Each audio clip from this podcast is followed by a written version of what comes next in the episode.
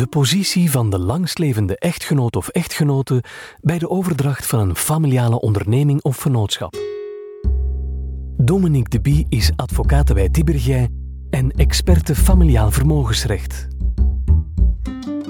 Podcast Tibergij. Een vraag die vaak gesteld wordt bij de overdracht van een familiale onderneming of vennootschap is wie van de kinderen kan en wil die onderneming verder zetten. En hoe gaan we dat dan compenseren naar de andere kinderen toe, die op het einde van de rit eigenlijk evenveel moeten krijgen? Maar een vraag die minder gesteld wordt, maar daarom niet minder relevant is, is eigenlijk de vraag naar de positie van de echtgenoot of echtgenote van de ondernemer die zijn bedrijf overdraagt. Zal zij, als hij overleden is, controle krijgen over die vennootschap, daar de inkomsten van kunnen innen? En is dat eigenlijk wel de bedoeling? Scenario 1. Controle en inkomsten voor de langstlevende echtgenote gewenst. Een eerste scenario dat zich kan voordoen is dat van de echtgenote die inderdaad controle en inkomsten moet krijgen na het overlijden van haar man die het bedrijf heeft geschonken aan een van de kinderen. Ik denk bijvoorbeeld aan de situatie van man en vrouw, gehuwd, drie kinderen en één van hen uh, zit al lang in het bedrijf, is actief en wil graag verder zetten. De man schenkt de aandelen van zijn familiale vennootschap aan de opvolger, zijn zoon. De twee andere kinderen zullen op een andere manier gecompenseerd worden.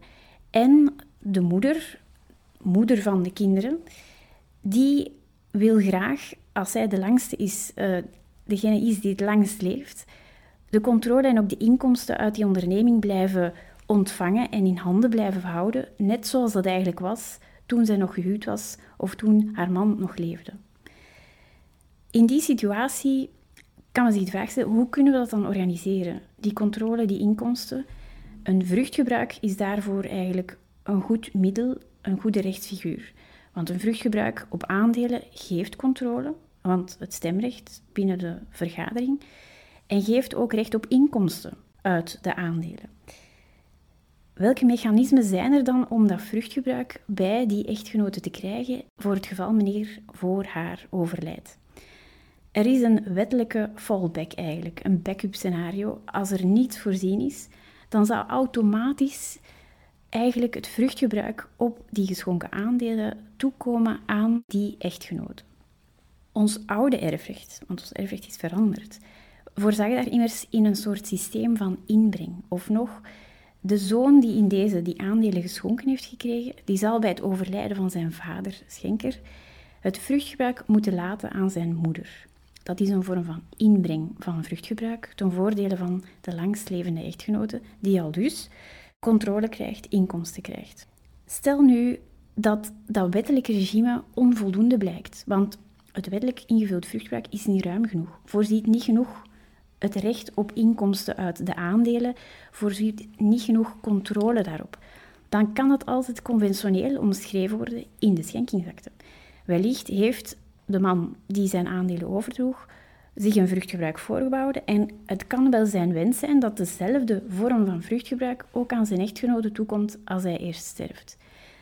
Die conventionele invulling, om die ook bij die echtgenote te krijgen, kunnen we in de schenkingsakte werken met clausules zoals aanwas of terugval van vruchtgebruik, die er in die end voor zorgen dat mevrouw, indien ze langs leeft, datzelfde uitgebreid vruchtgebruik in handen krijgt als haar man. En dus haar levensstandaard, zoals die was tijdens hun samenleven, kan verder zetten zonder enig probleem. Dat is de situatie van voor 1 september 2018 voor schenkingen overdrachten van familiale ondernemingen van voor die periode. Want ons erfrecht is gewijzigd na 1 september 2018 is het een ander regime dat we moeten hanteren.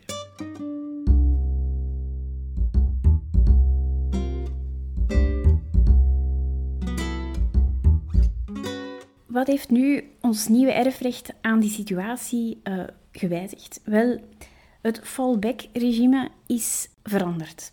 Of nog, als we niets voorzien in de schenkingsakte en we gaan uit van wat er wettelijk voorzien is, dan is dat inbrengmechanisme waar ik daarnet van sprak, geldt niet meer. Sinds 1 september 2018 voor overdrachten van aandelen sinds die datum geldt er geen inbrengverplichting meer ten aanzien van de langstlevende. Dus dat vruchtgebruik zal ze op die manier niet meer krijgen.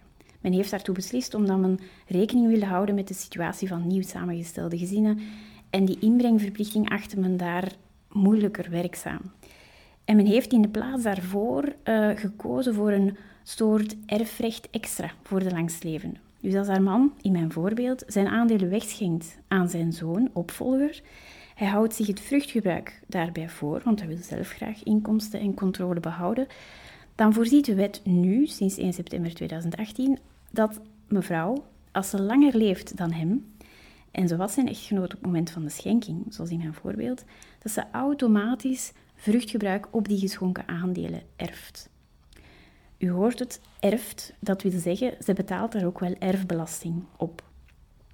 Om die reden, en ook omwille van het feit dat men vaak een ruimer vruchtgebruik wil dan het wettelijk voorziene, kan men opnieuw, ook in deze situatie van het huidige regime, teruggrijpen naar conventionele clausules, die opnieuw ervoor zorgen dat het vruchtgebruik dat meneer zich heeft voorbehouden bij de schenking, dat dat op dezelfde manier, met dezelfde draagwijdte en omvang bij mevrouw terechtkomt als zij langer leeft dan hem. En dan zijn we opnieuw aangewezen op bijvoorbeeld een terugval van vruchtgebruik, waarop geen erfbelasting verschuldigd is. Dat wil zeggen dat mevrouw, als ze langst leeft, dat vruchtgebruik ontvangt, kan genieten van inkomsten en controle, net zoals haar man dat uh, voordien kon. Wel belangrijk onder dit nieuwe huidige regime van erfrecht is dat men dan dat wettelijke systeem, dat erfrecht, het wettelijk toegekend opvolgend vruchtgebruik noemen we dat, dat dat wordt uitgesloten. Om alle misverstanden te vermijden dat het conventionele regime moet primeren en het wettelijke backup regime eigenlijk niet van toepassing kan zijn. Hoe kan dat? Eenvoudig, meneer kan in zijn testament dat wettelijk toegekend opvolgend vruchtgebruik uitsluiten, of mevrouw kan zelf al tijdens zijn leven verklaren dat zij dat wettelijk toegekend opvolgend vruchtgebruik niet wenst. Tweede scenario. Controle en inkomsten voor de langstlevende echtgenoten absoluut niet gewenst. Het kan natuurlijk ook anders zijn, dat die controle en die inkomsten voor de echtgenoten van de ondernemer die zijn bedrijf over heeft gedragen, dat die niet gewenst zijn. Ik denk bijvoorbeeld aan de situatie van een nieuw samengesteld gezin. Dus meneer is uh, hertrouwd en hij heeft drie kinderen uit zijn eerste huwelijk. Hij heeft zijn onderneming opgebouwd voor een groot stuk tijdens zijn eerste huwelijk. Een van de zonen is actief en zal verder zetten. Maar de relatie tussen die kinderen en die tweede echtgenote is niet optimaal. En het is ook niet gewenst dat zij in die onderneming op welke manier dan ook participeert. Zij is ook niet betrokken geweest bij die onderneming. De opbouw en groei van die onderneming heeft eigenlijk buiten haar om uh, plaatsgevonden. En om die reden is dus die controle en die inkomsten eigenlijk voor haar, um, zijn die niet gewenst. Wat moeten we dan doen? Um, hoe kunnen we dat organiseren en ervoor zorgen dat inderdaad die inkomsten en controle niet bij haar terechtkomen indien meneer eerst zou overlijden? Het vruchtgebruik waar ik daar straks van sprak en de wettelijke mechanismen die ervoor zorgen dat het vruchtgebruik bij haar terechtkomt, die moeten we dus met andere woorden uitsluiten of conventioneel in een andere regeling voorzien. En ook hier is het weer belangrijk om te gaan kijken, gaat het hier om een historische planning, een oude planning die dateert van voor september 2018, of zitten we onder het huidige regime erfrecht na september 2018? Voordien, herinnert u zich nog, is er dat wettelijk regime van inbreng van vruchtgebruik ten aanzien van de echtgenoot van de schenker. Die inbreng die moeten we dus proberen uit te sluiten. Dat is gemakkelijk als mevrouw erbij was toen meneer zijn aandelen overdroeg. Want dan kan ze eigenlijk met een bijzondere toestemming aangeven: kijk, ik, uh, ik wil dat vruchtgebruik niet. Die inbreng later, dat hoeft niet voor mij. Ik stem op een bijzondere manier toe, toe met die schenking. Maar natuurlijk, als meneer en mevrouw nog niet gehuwd waren op het moment van die schenking, is dat veel moeilijker. En kan er bijvoorbeeld gedacht worden aan een huwelijkscontract, waarin meneer in zijn tweede relatie, tweede huwelijk met mevrouw, duidelijk aangeeft: kijk, ik ga voor u zorgen, maar de schenkingen die ik al gedaan heb vooraleer ik met u gehuwd was, ik wens niet dat jij daar dat vruchtgebruik op verwerft en ik wil dus de mogelijkheid die je eigenlijk in theorie hebt op basis van de wet om inbreng te vragen van dat vruchtgebruik, die wil ik uitsluiten. En zij kunnen dat doen in een huwelijkscontract, want ze hebben niet gemeenschappelijke kinderen. Een zogenaamd valkeniersbeding kan daarvoor zorgen, maar is enkel een oplossing als meneer en mevrouw niet gemeenschappelijke kinderen hebben.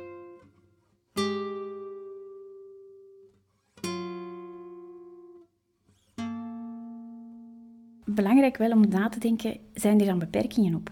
Kunnen we zomaar dat vruchtgebruik aan de langstlevende tweede echtgenote van meneer ontnemen? Het antwoord is eigenlijk um, onbeperkt kan het niet. Er is een beperking. Belgisch erfrecht kent nog altijd een reserve, niet alleen voor kinderen, maar ook voor een langstlevende echtgenote, ook voor een tweede langstlevende echtgenote. Die moet minimaal eigenlijk het vruchtgebruik krijgen op de helft van de nalatenschap, om het zo te zeggen, de fictieve massa. En als we door haar toestemming met de overdracht van de aandelen um, er eigenlijk voor zorgen dat ze niet aan die helft komt, dan is er een probleem. Ze kan dan toch nog extra vragen, extra vruchtgebruik vragen, extra controle, extra inkomsten, tot ze aan haar helft aan haar reserve komt. Dus dat is een belangrijke beperking, een belangrijke limiet onder het oude regime erfrecht. Dus voor planningen gedaan voor 1 september 2018. Dat nadeel valt eigenlijk voor een groot stuk een beetje weg in het huidige regime. Dus voor planningen, overdrachten van familiale vennootschappen of ondernemingen van na 1 september 2018 geldt voor de nieuw samengestelde gezinnen dat die inbreng uh, er dus niet meer is ten aanzien van de langslevende. Zij, zij kan wettelijk gezien daar geen uh, inbreng meer van vorderen. En als meneer geschonken heeft op een moment dat hij nog niet met mevrouw gehuwd was, toen hij nog in zijn eerste huwelijk zat, dan zal zijn voorbehouden vruchtgebruik ook wettelijk gezien niet toekomen aan zijn tweede echtgenote, want zij was toen nog geen echtgenote op het moment van de schenking. Het, het wettelijk regime van het zogenaamde wettelijk toegekend opvolgend vruchtgebruik geldt in die hypothese niet.